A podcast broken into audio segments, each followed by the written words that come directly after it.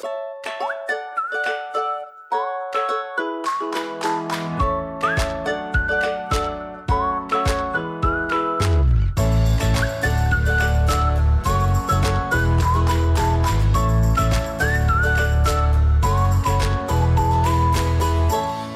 allemaal en welkom bij een nieuwe aflevering van de Wat ik wou dat ik wist podcast. De podcast waarin ik deel wat ik wel eerder had willen weten en verhalen vertel waar jij je hopelijk in herkent.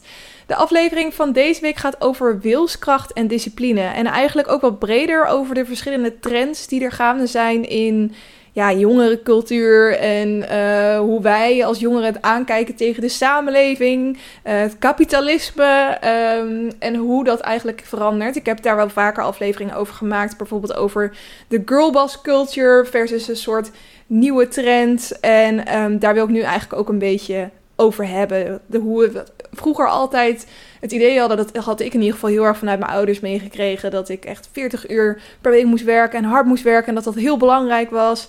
En hoe we dat eigenlijk allemaal een beetje los zijn gaan laten. En um, als, uh, nou ja, voornamelijk Gen Z, die toch wel heel erg daarnaar kijkt van ja, werk is gewoon niet het belangrijkste in de wereld. Maar hoe zit het dan met dat stukje wilskracht en discipline? Is dat iets waar we op dezelfde manier naar kijken? Um, of moeten we daar een soort ander perspectief voor hebben? Klinkt nog een beetje vaag, komt helemaal goed, want straks in het hoofdonderwerp ga ik hier uitgebreid uh, op in. Dus blijf daar zeker eventjes voor hangen. Zoals altijd uh, trap ik de aflevering even af met een terugblik op mijn week. Um, ik heb uh, een week gehad met allerlei verschillende leuke afspraken. De vorige week um, was wat minder, want toen zat ik thuis en heb ik eigenlijk heel weinig gedaan. En ik merk toch dat ik dat heel moeilijk kan. Gewoon thuis zitten en weinig te doen hebben, zelfs als ik me niet zo heel erg lekker voel. Um, dus ik werd heel erg blij van afgelopen week. Ik had um, ja, echt hele random dingen ook staan. Ik had een kennismakingslunch met een Talpa-directeur. Uh, ik heb een klus voor Talpa en daar in het verleden ook voor gewerkt. En um, die directeur die vindt het gewoon leuk om af en toe een random groepje mensen uh, uit het bedrijf uit te nodigen voor een kennismakingslunch. Om gewoon die, die brug tussen uh, verschillende lagen in het bedrijf wat kleiner te maken. Dus um, daar heb ik allerlei verschillende mensen ontmoet en het gehad over uh, hoe de mediawereld er nu uitziet en werkt. En de fusie die er tussen Talpa en RTL uh, aan gaat komen. En het hele The Voice debakel van afgelopen jaar, maar ook gewoon verschillende mensen van verschillende afdelingen leren kennen. Uh, ik had uh, ook een training van Gast is Koning. Daar heb ik het wel eens eerder over gehad. Eén keer per maand uh, word ik als mystery guest uitgenodigd om een restaurant te gaan testen. Soms ook, dat was toevallig afgelopen zaterdag, een staptent. En daarna schrijf ik een rapport. En um, dat wordt dan gestuurd naar de vestiging. En um, die kunnen op basis van die feedback weer hun service verbeteren. Nou, nu is dat ook een, een vriendinnetje van mij die bij het bedrijf werkt, die die mystery guest bezoeken regelt. En uh, zij ging een training geven aan alle mystery guests in regio Amsterdam.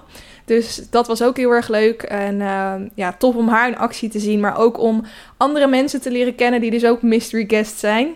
En te horen hoe zij hierbij zijn gekomen om dat te gaan doen. En um, hele verschillende mensen ook, verschillende leeftijden. Uh, dus dat was heel erg gezellig met een aansluitende borrel. En wat ik daar ook gewoon heel erg uit merkte, is dat ik heel erg opleef van het ontmoeten van nieuwe mensen. En het gebeurt niet zo heel vaak meer dat je nieuwe mensen ontmoet. Zeker met het vele thuiswerken uh, spring je in een call met uh, mensen met wie je werkt en je bent er weer uit. Maar gewoon echt borrelen en, en um, ja, zo'n kennismakingslunch. Gewoon, ik, ik hou heel erg van dat soort dingen om nieuwe mensen te leren kennen, nieuwe perspectieven, nieuwe kennis op te zuigen. En uh, daarom vond ik dat echt heel erg leuk. Um, ik heb ook padel gespeeld. Dat heb ik één keer eerder gedaan. Um, toen ik mijn, uh, mijn vriend een nieuwe sport probeerde te... Nou, hem te motiveren om weer een sport op te pakken.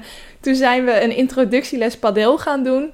Sindsdien heeft hij het niet meer gedaan, maar ik ook niet. Um, en uh, nu werd ik door wat vriendinnetjes uitgenodigd om dat te gaan doen. Het is ook eigenlijk een sport die je met z'n vieren moet doen.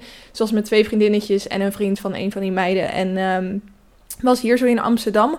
Padel Next heet het. Als je uh, het leuk vindt om te padellen in Amsterdam, dan zou ik daar eens heen gaan. Want ik vond het echt super leuk te uitzien. Je hebt ook een barretje waar je dan een drankje kan doen. Daarna hele leuke chillbanken. En er zit ook een uh, boulderhal aan vast. Dus als je, kan ook nog een soort van gecombineerde date doen of zo. Dat je dan eerst gaat bolderen en dan padellen. Ik zou het iets te actieve date vinden. Maar ook wel weer heel erg leuk. Misschien voor een tweede, derde of vierde date. Of gewoon met een vriendinnetje natuurlijk. En ehm, ja, we waren allemaal super enthousiast daarna. Ze willen het zeker vaker gaan doen. Als oud tennisser vind ik het soms nog best wel ingewikkeld. Ehm, vooral de grootte van mijn racket. Noem je het überhaupt een racket? Ik denk het wel.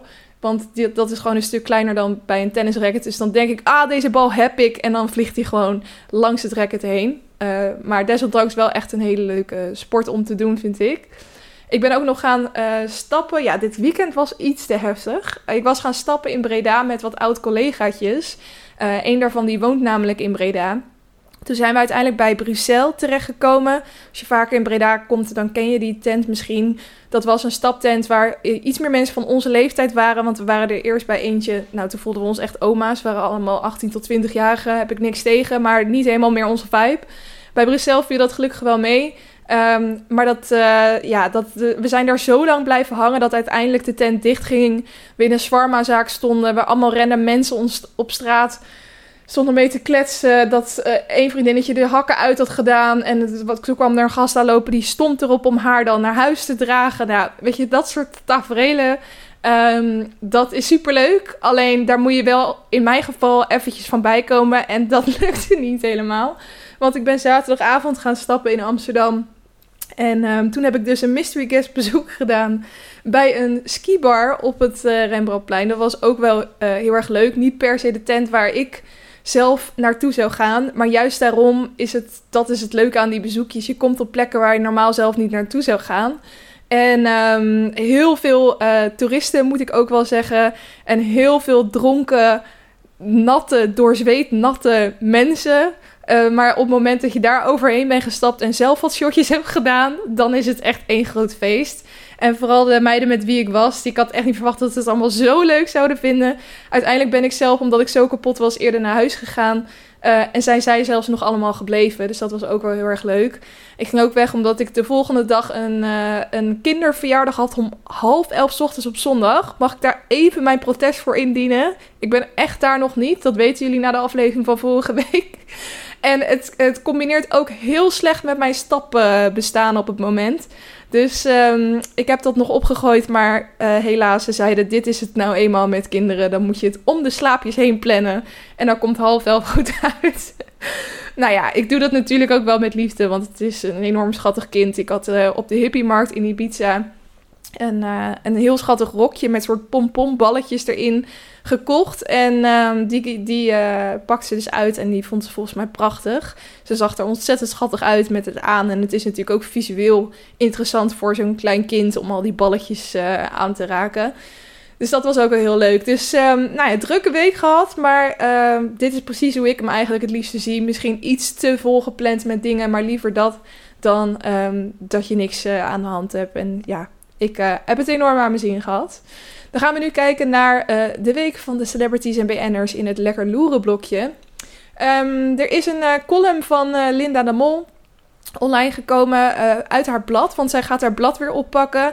Eigenlijk sinds het hele The Voice slash Jeroen Rietbergen gedoe in um, januari had zij besloten om al haar werkzaamheden neer te leggen, zowel voor tv als voor haar blad Linda. Uh, want daar stond ze natuurlijk altijd op de cover en ze deed die editorial in het begin. Um, en ze wilde echt eventjes rust. Volgens mij is ze inmiddels wel weer opgestart met de tv-programma's. En dus inmiddels ook sinds deze maand met haar blad. Um, en er was al een stukje, ik heb het blad niet in handen gehad. Maar zoals dat dan gaat, komen er al een paar stukjes ervan online. En wat eruit blijkt is dat zij zweert dat ze van niks wist. Ze wist niet dat haar uh, man, vriend, um, die tafereelen uithaalde bij The Voice. Dat zegt zij in ieder geval. Ze zweert het zelfs op haar kinderen. Um, ze zegt wel dat er eerder problemen waren geweest. Dat ze namelijk had ontdekt dat hij op Instagram flirte met een vrouw. Um, maar dat was niet iemand van The Voice. En ze zijn daardoor destijds wel uit elkaar gegaan. Maar dus ook weer terug bij elkaar gekomen. En zij had eigenlijk het idee dat het allemaal helemaal goed was gekomen. Dat het allemaal achter zich gelaten was. Um, en dat bleek dus niet het geval te zijn. Dan is natuurlijk ook de vraag: zijn ze nog samen? Want hij was nog wel eens gesignaleerd bij haar huis. Ehm, daar zegt ze over dat ze niet meer bij elkaar zijn, maar nog wel af en toe samen praten met een therapeut. En dat sloot ze af met: Ik hoop dat dat mag. Sowieso was het hele, die hele editorial een beetje ingestoken met: van hè. Ehm, hoe kan ik mijn verhaal vertellen terwijl ik nog steeds de slachtoffers van ehm, ja, de dingen, de dingen, de seksueel misbruik, maar ook de, de, de dingen die hij natuurlijk heeft gedaan en hoe hij überhaupt de opmerkingen die hij al maakt, zeg maar, de slachtoffers daarvan. Hoe breng ik, breng ik hun niet in discrediet met mijn verhaal? Want ik wil nu niet slachtoffer gaan uithangen. Um, alsnog las ik wel kritiek van mensen die zeiden van ja, ze zit alleen maar in de slachtofferrol te kruipen, bla bla bla bla. Um, maar ik, uh, ik denk dat dat vooral komt omdat zij gewoon wel heeft besloten om heel lang stil te blijven. En de media dat niet echt accepteerde, waardoor ze af en toe las je dan weer dingen van haar. Of dan zag je iets voorbij komen. En nu, dus het voelt alsof het een heel lang uitgesmeerd verhaal is van hoe zij omgaat met uh, nou ja, het feit dat Jeroen dat allemaal heeft gedaan. Maar um, ik vind het allemaal, ja, ik vind het eigenlijk wel, wel logisch en Um, ik denk niet dat, dat Linda lezers het bijvoorbeeld hadden geaccepteerd als ze gewoon opeens weer terug was en er niks over had gezegd. Dus ik denk dat dit wel nodig was als stap zijnde weer om haar werk op alle vlakken op te pakken. Um, ik zag ook weer dingen van mensen die zeiden van ja, volgens mij wisten ze er wel van. Want het was al eerder. Uh, uh, Jeroen Rietberg heeft zelf ook in een Instagram bericht gezegd dat hij bepaalde dingen had opgebiecht aan zijn vrouw. En dat het dus ook over de voice ging. Maar misschien zegt zij, beaamt zij dat dus ook, maar heeft hij er niet bij gezegd dat het van de Voice was. Er wordt ook gezegd dat dat soort aantijgingen wel eens met de Linda zijn gedeeld, met de redactie, zeg maar. Dus zij zou het absoluut moeten weten. Nou ja, ik geloof haar wel op haar woord als zij dit zo in het blad zet, heel eerlijk gezegd. Um, dus dat. Uh, er staat ook in hetzelfde blad trouwens een interview met Monique, Monique van Andreases. Dat is natuurlijk ook een veelbesproken persoon op Juice-kanalen. En uh, op Juice-kanalen lees je dan vooral dat ze weer samen is met Andrea Hazes. Dat ze een reality soap aan het opnemen zijn. En dat ze in die reality soap aan het toewerken zijn naar een huwelijk. En dat ze dan dus ook samen als gezinnetje op vakantie zijn geweest. En dat ze daar elkaar helemaal hebben gevonden. Dat ze dan toch weer Trouble in Paradise hebben. En dat hij weer bij zijn moeder gaat wonen. Maar dan gaan ze toch weer terug naar elkaar. Um, wat zij daarover zegt is: Ik ben niet samen met André Hazes. Ik ben alleen maar op vakantie geweest omdat ik dat fijn vind voor het gezin, voor ons zoontje. Uh, en we gaan ook absoluut niet trouwen. En door Juice kanalen werd dus gezegd: ze zijn een reality show aan het opnemen. En de laatste aflevering daarin gaan ze trouwen.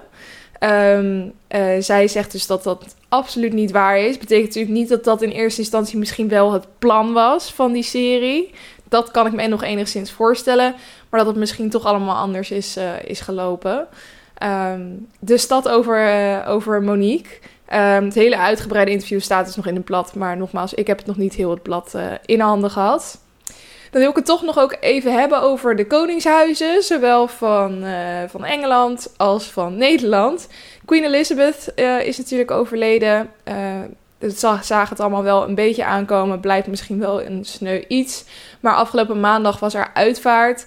Daar, um, dat werd breed uitgemeten op de BBC. Ik zag ook dat heel veel Nederlanders hadden ingetuned. Ik was die hele dag aan het werk. En s'avonds heb ik er eerlijk gezegd niet echt naar gekeken. Ik wist niet eens dat het ook nog in de avond was. Um, maar het is wel iets uh, wat heel veel aandacht heeft getrokken, uiteraard. Onze eigen Bea en Willem-Alexander en Max die zaten het overigens op de eerste rij. Ja, daar zag ik nog wat foto's van voorbij komen. Um, blijkbaar is dat zo'n zaal dan ook ingedeeld op het moment van aantreden. Dus uh, Beatrix, uh, daarvan wordt dan naar gekeken wanneer is zij was zij ooit aangetreden. En zij uh, zit daarom dus met haar zoon en schoondochter op de eerste rij. Um, wat ik ook nog las trouwens, is dat Beatrix best wel goede dinnies was met Queen Elizabeth. Dat ze ook regelmatig onofficiële bezoekjes bracht. En um, dat zij dan gewoon, uh, ja, zij waren gewoon een soort van vriendin of zo. Ik vind het gewoon grappig om over na te denken. Dat ze lekker samen zitten te theeleuten en te roddelen over hun personeel of zo. Um, en het was vandaag, op het moment dat ik dit opneem, tenminste, ook Prinsjesdag. En dat is uh, een Prinsjesdag waar Amalia voor het eerst bij aanwezig was, omdat ze nu natuurlijk 18 is. Um, zij zat uh, ook in de glazen koets. Uh, met de papa waren mooie foto's van. En het ging uitgebreid ook helemaal over de outfit. Dat blijft toch wel een ding. Mannen hebben altijd een pak aan. Bij vrouwen is dat altijd, oeh, wat zullen ze aan hebben? En wat voor symbolen zitten daar allemaal achter? Um, en uh, ja, sowieso is Amalia natuurlijk afgelopen week best wel in het nieuws geweest. Want er zijn ook wel bedreigingen van mokromafia uh, aan haar adres gericht, blijkbaar. Dat is een uh, onderzoek geweest van John van Heuvel, stond in de Telegraaf. Uh, niet alleen um, Amalia overigens, maar ook Mark Rutte. Daar is, is, heeft de mokromafia blijkbaar ook op gemunt. En um, er zijn ook twee misdadigers die nu in de gevangenis zitten, die blijkbaar ook bepaalde berichten met elkaar uitwisselen, waardoor ze dus ook denken dat het ja, dat zij het gemunt hebben op dat überhaupt de hele mokromafia het gemunt heeft op Amalia en op Mark Rutte. Dat lijkt me best wel eng om te horen. Het zal misschien niet de eerste keer zijn, dat soort dingen. Maar goed, ik vind het wel sneu voor haar dat zij net nu ze aan een nieuwe studie is begonnen, uh, behoorlijke versterking van de beveiliging heeft gekregen. Uh, ik hoorde ook dat ze dat, dat huisje waarmee ze dan met huisgenootjes wonen in Amsterdam, dat ze daar nauwelijks meer te vinden is. Waarschijnlijk ook vanwege deze berichten. En ja, dan denk je eindelijk een soort van grip te hebben op een stukje normaliteit. Iets wat andere mensen van jouw leeftijd ook doen, namelijk studeren in Amsterdam. En dan uh, gebeuren dit soort dingen en dan ja, moet je toch een stapje terug doen. Dat vind ik wel heel sneu, maar ik hoop dat ze genoten heeft van de Prinsjesdag. Overigens ook weer heel veel kritiek vandaag op het Koningshuis. Um, omdat uh, er natuurlijk heel veel bezuinigingen aangekondigd worden. Uh, aan de andere kant er ook heel veel geld naar het Koningshuis gaat.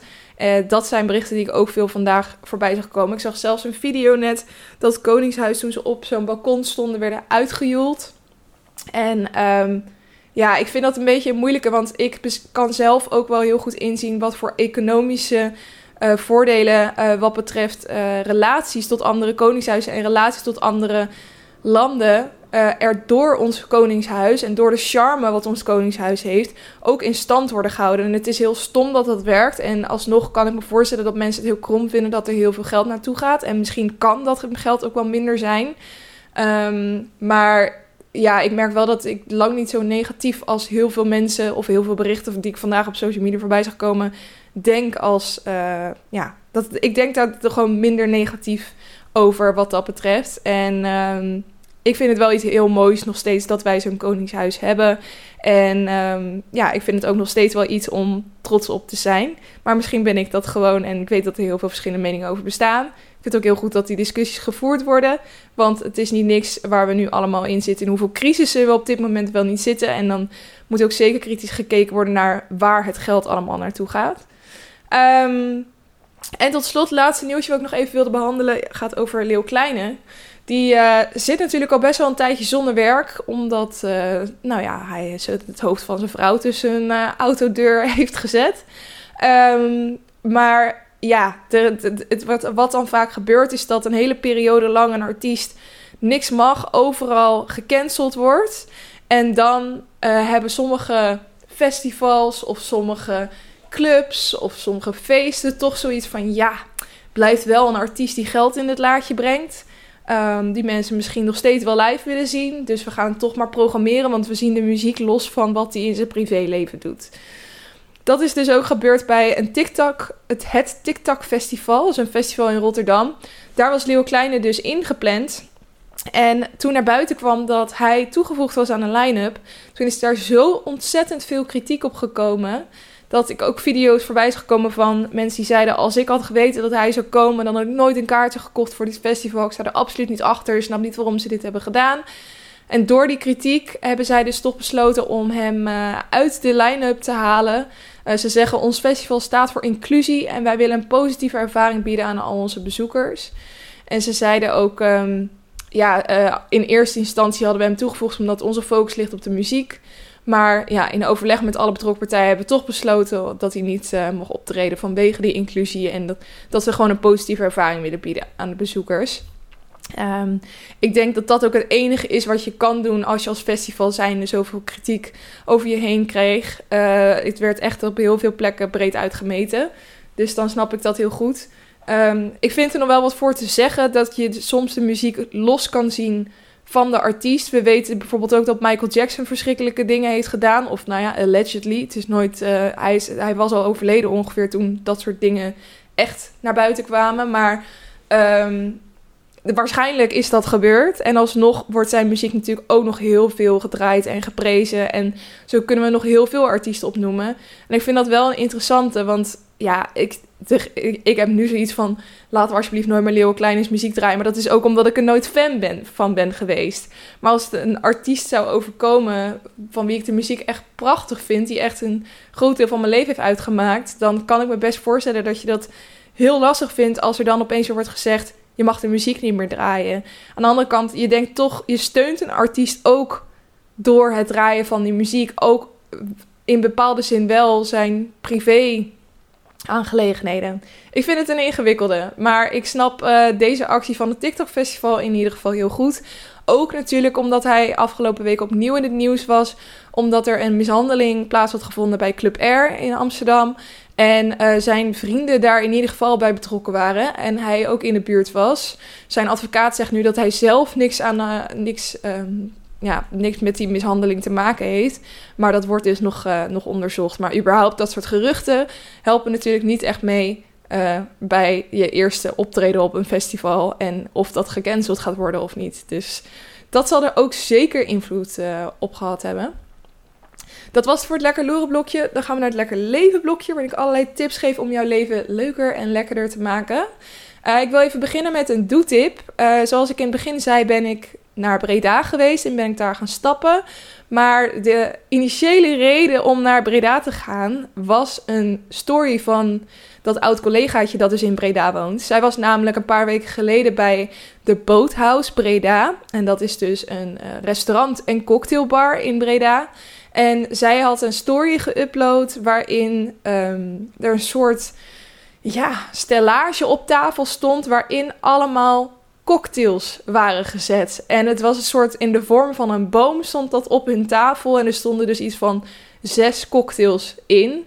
Uh, en uh, ze filmde dus zo hoe die ober dat voor haar neerzette. En ik dacht echt van, nou, dit is gewoon wat je wil in het leven. dus ik had daar direct, uh, of direct op die story gereageerd van, oh mijn god, wat vet, waar is dit? We moeten dit ook doen. En toen hebben we dus met een groepje oud-collega's besloten dat wij dat ook wilden gaan doen daar. Dus uh, vandaar dat we nou allemaal naar Breda zijn gekomen. Daar dus zijn gaan eten. En het was ook ontzettend lekker eten. Dus daarom is mijn tip dus, mocht het nog niet duidelijk zijn, ga naar de Boothouse Breda.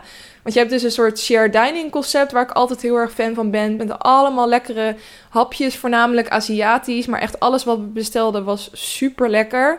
De service was zo ontzettend goed. Daar let ik nu uiteraard natuurlijk automatisch op. Um, maar echt non-stop werd gevraagd of alles naar wens was. Er werd een beetje een praatje gemaakt, een grapje hier en daar. Uh, je werd echt op je wenken bediend. Mensen zagen het direct als je glas leeg was. Kwamen ze vragen of je nog wat wilde drinken. Nou, ik hou daar gewoon wel heel erg van als de service uh, zo on point is. En toen kwam natuurlijk uiteindelijk ook die Pornstar Martini Boom. Zo heet hij dus ook op de kaart.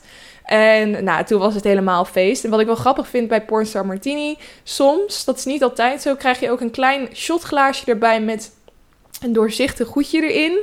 Ik dacht eerst, je gaat toch niet ook nog wodka hierna serveren of zo? Um, dat is het niet. Het is uh, Prosecco, volgens mij. Of Cava. Volgens, ik dacht Prosecco. En dat is dus om de smaak van de Pornstar Martini te neutraliseren. Dus je hebt ook nog een drankje bij je drankje, wat je dan tussendoor nog af en toe een beetje kan nippen. Nou, ik voelde me gewoon helemaal in de watten gelegd. En um, nou, ik, kan, ik denk dat het wel duidelijk is dat wij niet nuchter uit die tent zijn gekomen. En toen moest de stapavond nog beginnen. maar het was gewoon een superleuke aftrap van die avond. En ik had nog nooit een Pornstar Martini boom ergens op mijn kaart zien staan. Uh, en ook die tent van binnen, echt super Insta-worthy. Gewoon overal van die superleuke hoekjes. Je moet het eigenlijk eventjes op Instagram opzoeken, die, die tent. De Boothouse Breda. Um, want uh, ik vind het moeilijk uit te leggen, maar het zag echt sick uit van binnen. Dan wil ik nog een kijktip geven. Een van de beste series die ik ooit heb gezien, durf ik toch wel te zeggen, vind ik The Handmaid's Tale. Dat was jaren geleden de reden dat ik Videoland heb genomen. En uh, sindsdien geniet ik elke dag van Videoland. Ik kijk echt zoveel daarop, dat weten jullie. Um, maar uh, er is dus ja, de serie waardoor ik uh, dat platform op dat platform dingen ging kijken. Die is nu terug met een vijfde seizoen. En aflevering 1 en 2 staan er al op. En ik denk dat zodra ik deze aflevering heb opgenomen van mijn podcast, dat ik die, uh, die afleveringen van de Handmaid's Tale ga kijken. Het is wel echt zo'n shocking serie dat je na elke aflevering zo voor je uit zit te staren van wat de fuck heb ik net gezien. Maar um, dat maakt voor mij wel echt een goede serie. Meestal, in ieder geval. Um, want ik heb dat ook vaak na een Game of Thrones aflevering. De aflevering van deze week ook weer. Uh, bedoel, dan bedoel ik natuurlijk van House of Dragon. Oh my god, de aflevering van deze. Ik wil gewoon iemand hebben met wie ik hierover kan praten. Maar mensen op werk die zijn altijd te langzaam met kijken. Dan hebben ze hem nog niet gezien. En mijn vriend die kijkt het niet. Maar nou, het zit heel erg in mijn hoofd, merk ik. Um, tot slot wil ik nog een kooptip geven. En um, ik zag op, uh, op Picnic opeens iets voorbij komen. En toen dacht ik, voeg toe, voeg toe, voeg toe. Direct toegevoegd aan mijn mandje. En dat is de KitKat Mini Mix. Wellicht is dit al jaren in de supermarkt. Het zou zomaar kunnen, maar ik had het gewoon nog nooit eerder gezien. En ik zag het dus op Picnic voorbij komen en ik wist direct, dat moet ik hebben. Het is dus een, um, ik kijk even naar, het is een zak. Het is een zak met allemaal mini KitKatjes in verschillende smaken. Namelijk classic, salted caramel, white, peanut butter en hazelnut. En um, ik kan het mezelf gewoon niet veroorloven om echt zo'n heel pakket met van die grote KitKatten te kopen. Dat vind ik dan net te heftig. Maar van die minis, daar heb ik echt een zwak voor. En dan, dat is ook heel gevaarlijk, want vaak eet je dan zoveel minis dat je net zo goed een hele, TikTok, hele KitKat op. oh my god, ik zei TikTok in plaats van KitKat. Jesus. Ben je verslaafd, Kelly? Um, dat ik dan uh, net zo goed een hele KitKat of misschien wel meer had kunnen eten. Um, maar toen ik ook zag dus dat ze al die verschillende smaakjes hadden. Ik wist dat dus helemaal niet dat KitKat dat had. Het doet me ook een beetje denken aan Tony Chocoloni. Die hebben ook van die minis. Dat is ook fantastisch. Dus ik dacht, ik meld het even als jij fan bent van KitKat. Uh, ik heb de salted caramel geproefd. Want dat is altijd mijn favoriete smaak van elke chocolade ding ooit. Uh, en die was ook echt heel lekker van KitKat. Dus nou, tipje voor jou. Als je wil zondigen deze week. Koop de KitKat Mini Mix. Um, dan gaan we nu door naar het hoofdonderwerp. En uh, het hoofdonderwerp komt toch weer bij mij via TikTok. Uh, ik zie zo vaak van die video's. Het algoritme kent mij natuurlijk ook over ja, de, je twenties en hoe je die besteedt. En um, wat voor trends er zijn en hoe we daar zo als twintigers mee omgaan. Uh, of begin dertigers of eindtieners, whatever. Maar um, iets wat je gewoon de laatste tijd wat vroeger, toen, toen, toen, nou laten we zeggen tien jaar geleden, misschien net iets minder, wat gewoon nog heel erg hard aanwezig was, was uh, diet culture en hustle culture. En vooral, dat weet ik nog, ik was echt een paar jaar geleden, nou, nou dan zal dat tien à zeven jaar geleden is eerder zijn. dat is vaak zo. Als je denkt dat iets een paar jaar geleden is, dan blijkt het veel langer geleden te zijn toen was ik er zelf ook nog heel erg met dat girlboss plaatje bezig. Ik volgde allemaal meiden die soort, voor in mijn ogen, girlbosses waren. Ik was, zat heel erg zo in die mindset van, als je maar hard genoeg werkt, dan kan je overal komen. En dat geloof ik ook nog steeds. Maar het nam bijna een soort van mijn leven over. Ook misschien wel omdat mijn ouders me dus ook altijd hebben bijgebracht. Je moet gewoon hard werken als je iets wilt. En Um, dat, dat, alleen maar op je kont zitten, dat is ongeveer het, slechtste wat je kan doen.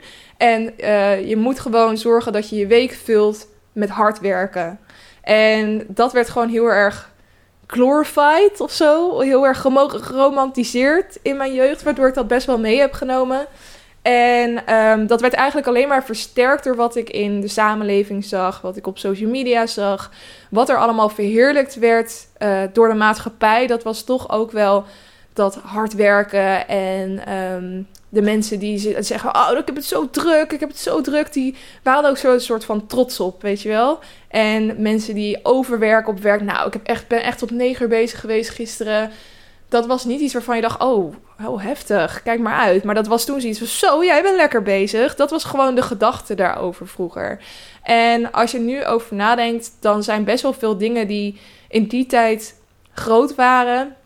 Um, ook de nadruk op van die hele smalle lichaampjes met hele smalle taaien en hele dunne benen en thigh gaps. En maar heel veel sporten, zoveel verschillende sport DVD's die er toen bestonden en uh, verschillende diëten die echt nergens op sloegen. Er waren zoveel, als je een blad opensloeg, tien jaar geleden in een tijdschrift, dan stonden gewoon tien van die pagina's, en dan bedoel ik echt die vrouwenbladen specifiek, stonden gewoon vol met de meest bizarre diëten die dan zogenaamd ervoor zouden zorgen. En er stonden ook van die titels bij van val 5 kilo in drie dagen af of zo. Dat, dat, dat, als je dat, nou, dat, ik zie dat nu nooit meer en dat vind ik heel goed, want het sloeg natuurlijk helemaal nergens op, maar het droeg wel allemaal ergens aan bij. Het was namelijk allemaal in het voordeel van het kapitalisme. Want we gingen harder werken, we gingen meer shit kopen om af te vallen, om maar te voldoen aan dat perfecte schoonheidsideaal. Uh, om maar te voldoen aan de wens van onze baas, om maar te, aan te tonen aan iedereen in je omgeving wat voor harde werker je bent. En dat jij uh, carrière georiënteerd bent en doelgeoriënteerd bent. Dat was ongeveer the perfect human. Zo iemand die non-stop bezig was met werken en zichzelf improven, et cetera, et cetera. Nou, er is toen wel een tegenbeweging gekomen, gelukkig. En dat zie je nu dus de afgelopen jaren heel veel. En voornamelijk bij jongere generaties. Gen Z, die vecht er ook heel hard voor. Die zeggen eigenlijk allemaal, jongens, waar zijn die nou eigenlijk allemaal mee bezig? Ehm, alleen maar aan het werken, werken, werken. Of nou voor een basis of aan jezelf. Uh, maar het is allemaal, je denkt dat je het voor jezelf doet. Maar uiteindelijk is het voornamelijk dat jij alleen maar aan het bijdragen bent aan het kapitalisme. Je bent een soort van gebrainwashed om daarin mee te gaan. Terwijl is dat nou echt het beste uh, voor jezelf? En daardoor zijn heel veel mensen, nou ja, om zo wakker te worden. Ik vind dat een beetje een nare term sinds het hele corona-gedoe. Maar goed, um, uh, het was wel een wake-up call voor heel veel mensen die alleen maar lange werkdagen aan het maken waren, die overal ja op zeiden, die geen grens meer hadden tussen privé en werk, maar ook dingen deden omdat ze dat dan zagen dat mensen deden, maar terwijl ze er zelf helemaal niet van hielden, bijvoorbeeld hardlopen of gaan trainen voor een marathon, omdat andere mensen dat doen terwijl je jezelf niet eens van hardlopen houdt. Um, het ging gewoon best wel ver allemaal. En um, ja, ik denk dat het heel goed is dat dat niet meer het geval is. Dat we daar een soort van terug van zijn gekomen. Niet iedereen, niet overal. Maar voor veel mensen en vooral jonge mensen die hebben toch wel door van nou, dat is dat hele hasselen, die hustle culture. Dat willen we niet meer. We stoppen ermee, we kappen ermee. En zeker toen uh, corona was toegeslagen, toen we allemaal aan het thuiswerken waren. En we ook zagen dat er een andere manier van leven was. Um, ja, waren er best wel veel mensen die ten eerste het heel fijn vonden dat je dan uh, eigenlijk weer even tot rust kwam, tot jezelf kwam. Maar ook merkte dat ze compleet uitgeput waren van al die jaren zo hard werken. Uh, en het beseffen dat dat dus niet kwam uit een soort intrinsiek gevoel van ik wil heel hard werken voor mijn baas of wil heel hard werken aan mijn lichaam. Maar nee, dat is iets wat ze zo voelden, dat het hun werd opgelegd. Die druk voelden zij. En op het moment dat de, nou ja, heel veel mensen eigenlijk besloten van fuck it, we doen niet meer mee aan die druk, beseffen ze ook van oh mijn god, ik ben helemaal uitgeput en ik wil helemaal niks meer. En dat helemaal, ik wil helemaal niks meer, dat leidt eigenlijk ook weer toe dat je een soort aversie krijgt tegen het hebben van wilskracht of discipline. Of überhaupt de, de, de waardes van wilskracht en discipline. Um, het kon er zelf voor zorgen, en dat had ik ook wel een beetje in die tijd, dat je bijna een soort van gaat neerkijken op mensen die super erg gericht zijn op het nastreven van hun doelen. Want ik had ook echt zoiets op een gegeven moment van, ja, wat maakt het ook allemaal uit? We zitten in een, een, een enorme pandemie, in een crisis, in een wereldcrisis, een coronacrisis. Uh, lekker boeiend. Wat maakt het nog uit? Waarom zijn we allemaal zo. Nou ja, op die manier was ik ook wel uh, aan het denken. En ik deed ook een beetje mee aan die massale tegenbeweging die aan het ontstaan was tegen de, de girlboss culture. En um, ja, door die massale tegenbeweging is er dus ook een beetje de gedachte ontstaan dat misschien discipline niet meer per se iets is wat we na moeten streven. Dat wij allemaal heel, heel lief en heel zacht voor onszelf moeten zijn. Dat we aan slow living moeten doen. En um, ik heb zoveel mensen bananenbrood zien bakken. ik denk dat dat echt het perfecte voorbeeld is van die tijd. Dat we allemaal heerlijk op, met een muziekje op de achtergrond bananenbrood in onze keuken stonden te bakken. En geen vak meer geefden om werk. En af en toe even onze muis bewogen om te laten zien dat we nog steeds tussen aanhalingstekens aan het werk waren. Niet dat dat nou altijd de trend was, maar ik denk wel dat we allemaal een shift kunnen opmerken van pre-corona, hoe we toen tegen werk aankeken en tijdens slash na corona. Ehm, ja, dat hele. En we dachten wel echt, in ieder geval, dat, dat idee heb ik wel, dat we op dat moment um, wel zoiets hadden van ja, de wilskracht, discipline, dat past gewoon niet bij de nieuwe levensstijl van toen. Het was bijna een beetje alsof het cringe was om doelen te hebben en die heel hard na te streven of zo. En ik ben zelf dus zeker tijdens die coronaperiode ook best wel meegegaan in die gedachte. Ik had ook echt momenten dat ik totaal niet productief wilde zijn, dat ik gewoon een beetje boeken wilde lezen en lekker bakken en mijn, mijn mental health walks door het Vondelpark aan het maken was. En luisterboeken luisteren en um, een beetje scrollen. En nou gewoon het, helemaal tot... Ik ging opeens ook allemaal... Um, ik veel mediteren en gewoon ik ging helemaal op in die slow living periode zeg maar en ik dacht echt dit is dit is fantastisch um, en dat, dat, maar dat is natuurlijk wel de geromantiseerde versie van de slow living uh, periode tijdens corona, om het zo maar eventjes te zeggen. Want um, het kan misschien wel heel goed klinken, een leven zonder discipline en wilskracht, maar het ziet er lang niet altijd zo uit zoals ik het net beschreef. Want hoe het er in werkelijkheid uitzag, was hangen op de bank, urenlang door TikTok scrollen, um, alleen maar een beetje afhaal, uh, eten bestellen of diepvries eten. Um, gewoon nergens zin in hebben. Gewoon zo lang niks doen dat je eigenlijk ook niks meer wil. Dat elke taak te zwaar voelt om te gaan doen. Dat je daardoor ook geen zin, überhaupt geen zin meer hebt om met mensen plannen te maken. Of überhaupt terug te appen of zo. Om, of door je favoriete sportlesjes heen slapen. Gewoon. Dus je wordt er heel van, van dat slow living werd je ook wel een beetje lui moet ik heel eerlijk zijn. En wat je daar ook wel uithaalt, is dat je impulsen niet altijd het beste voor je zijn. Het is niet altijd nodig om aan je impulsen toe te geven. En ik denk dat we daar misschien toen af en toe iets te ver in zijn gegaan. Dat het heel zwart-wit was van of we gaan. We werken super hard en we, we leven voor het bedrijf en we gaan ervoor. En ik ga elke dag sporten en doelen, doelen, doelen. Uh, en toen was het oké, we doen helemaal niks meer. We gaan alleen nog maar bananenbrood bakken, om het zo maar eventjes te noemen. Maar daar zo kon dan ook niks meer tussen ontstaan. Dus uh, we dachten, oké, dan doen we helemaal niks meer. Maar het resultaat daarvan was dus dat we een beetje op de bank zaten te hangen... en door TikToks aan het scrollen waren. En aan het eind van de dag ons slecht voelden... omdat we niks hadden gedaan wat echt onszelf prikkelde of zo. Um, dus dat bedoel ik met die impulsen zijn niet altijd het beste voor je. En um, het hele wil, afwijzen van wilskracht en discipline, dat hoeft helemaal niet altijd zo te zijn. Want het kan nog steeds iets heel goed zijn. Zelfs bij die nieuwe anti-beweging tegen de hustle culture. Dus discipline kan je ook gebruiken om de dingen te bereiken die je echt intrinsiek wil in het leven. En als je het op die manier gebruikt, dan kan discipline en wilskracht juist iets heel goed zijn. In iets zijn wat jou specifiek verder helpt. Wilskracht hoeft niet gebruikt te worden voor een dieet of voor sporten of voor overwerken. Maar misschien betekent wilskracht wel gewoon um, het doorzetten van een hobby nadat de enthousiaste beginfase voorbij is. Of eerder wakker worden om wat meer uit je zaterdag te halen. Of wat meer moeite steken in vriendschappen. Of vechten voor een goed doel. Terwijl het misschien wel makkelijker had geweest om het toch maar zinloos te vinden allemaal. Dus er zijn best wel doelen te vinden die uh, jou persoonlijk blij kunnen maken, waarvoor wilskracht en discipline nog steeds heel erg geschikt zijn. Um, en ik denk dat het juist iets past wat heel, ja, wat heel goed bij ons zou kunnen passen, die waardes.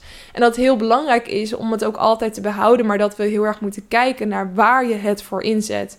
Dus in plaats van discipline en wilskracht volledig af te wijzen, hoe zou het voelen als je dat afpakt van hele diet culture en het kapitalisme, om het zo maar even te noemen. En het te richten op het vinden van je eigen geluk en op het vinden van geluk van anderen. Um, en deze vraag kwam ik ook voorbij toen ik naar dit onderwerp aan het zoeken was. Um, als niemand je kon zien of kon weten wat je bereikt had, wat zou je dan graag willen doen in het leven? En dat vond ik echt een hele, hele sterke vraag. Die zou ik eigenlijk sowieso ergens in een boekje opschrijven als ik jou was. En um, eens heel goed over nadenken. Uh, en de, vraag die daar dan op volgt is: hoe zou het voelen als je daar nou discipline voor gebruikt? Dus ga eens na bij jezelf. Wat zijn dingen waar ik persoonlijk, zonder druk van buitenaf, zonder de meningen van je ouders of vriendinnen of je partner, um, als dat allemaal weg zou vallen, wat is hetgene waar jij blij van zou worden om te doen in het leven? En soms is dat wel eens iets. Zeg maar, ik heb ook wel eens aflevering gemaakt over motivatie. Um, motivatie is iets wat heel kortstondig is. En discipline is de lange versie daarvan. En um, motivatie is vaak een soort emotie die op een bepaald moment opkomt. Maar die kan je nooit voor de lange termijn vasthouden. Dus je hebt altijd uh, discipline nodig om uiteindelijk iets gedaan te krijgen. En dat is zelfs zo bij de allerleukste dingen. Um, je hebt ook heel veel mensen die zeggen: maak uh, werk van je hobby en je hoeft nooit meer een dag te werken. Nou, daar klopt helemaal niks van. Want zelfs als je van je hobby je werk maakt, dan blijft het alsnog iets waar je discipline voor nodig zult hebben om het door te blijven zetten. Um, dat merk ik ook bij mezelf als ik een nieuwe hobby begin. Op een gegeven moment dan vind ik het dan saai worden en dan doe ik het niet meer. En dan bouw ik ervan dat ik met die hobby ben gestopt. Want als ik het deed, maakt het me eigenlijk heel erg blij. Maar op een of andere manier blijf ik dan toch niet doorzetten. Um, dat zijn misschien dan juist wel momenten dat je tegen je eigen impulsen, je luie impulsen toch wel, in moet gaan. En jezelf um, met een beetje discipline een schop onder je kont moet geven. En dat betekent niet dat je gelijk een soort carrière doelgefocust persoon bent en go, go, go en just do it. Um, maar dat betekent juist dat je heel goed naar jezelf hebt geluisterd en ook in hebt gezien dat je af en toe jezelf een zetje moet geven om jouw dagen um, fijner te maken, om jezelf gelukkiger te maken op dagelijkse basis. En ik denk dat dat een veel gezondere manier is om naar discipline en wilskracht uh, te kijken. En um, dat het ook wel bijzonder is om op te merken hoe zo'n zienswijze op discipline fluctueert. Hoe we er eerst heel veel waarde aan konden hechten. Hoe we het dan compleet loslieten. En nu een soort nieuwe interpretatie van die waardes moeten zien te vinden. En die interpretatie moet ook bijdragen aan ons eigen geluk. En ik wil je heel graag uitdagen om dat eens bij jezelf te gaan ontdekken. Wat nou echt de dingen zijn waar jij discipline voor wil inzetten. Um, wat dingen zijn in jouw leven die je misschien wel doet omdat je denkt dat andere mensen vinden dat jij dat moet doen. Um, en wat de dingen zijn waarvan jij vindt dat je ze zou moeten doen. En dat is altijd heel lastig hoor. Dat is altijd makkelijker gezegd dan gedaan. Want hoe ga je onderscheiden wat jij zelf echt wil in het leven van wat jou altijd is bijgebracht. Want uiteindelijk baseren we al onze keuzes wel op wat we in het verleden hebben meegemaakt. En daar valt ook onder wat er vanuit de maatschappij daarover wordt gezegd of de mensen om je heen. Um, maar misschien is dit alsnog wel een goede wake-up call om daar eens wat meer over na te denken. En ik weet ook niet of dit helemaal relevant is. Ik heb het idee dat die grote switch die is geweest tussen hustle culture en wat meer slow living, dat um, die vooral heel drastisch was in Amerika. En dat ik hem daarom misschien ook wel zo erg heb meegekregen, omdat ik in die periode heel veel op TikTok zat. Maar het was wel iets wat ik soort van in de ja, soort van als rode lijn uit de TikTok-video's die ik allemaal zag. Uh, en andere social media posts, overigens op andere platformen ook. Um, ja, daaruit kon halen. Dat mensen soort van dachten, maar wacht eens even, waar ben ik nou al die tijd mee bezig geweest? Um, ik heb het idee dat ik soort van onvervangbaar ben op werk. Dat is helemaal niet het geval. Uiteindelijk blijf ik gewoon maar een nummertje voor mijn baas en iemand die kan helpen geld in het laadje te brengen. En ik moet ook vooral kijken naar mijn eigen geluk, want je bent maar één keer op deze aarde. En hoe ga je je tijd hier vervullen? En um, ga je alleen maar leven naar wat andere mensen vinden wat jij zou moeten doen?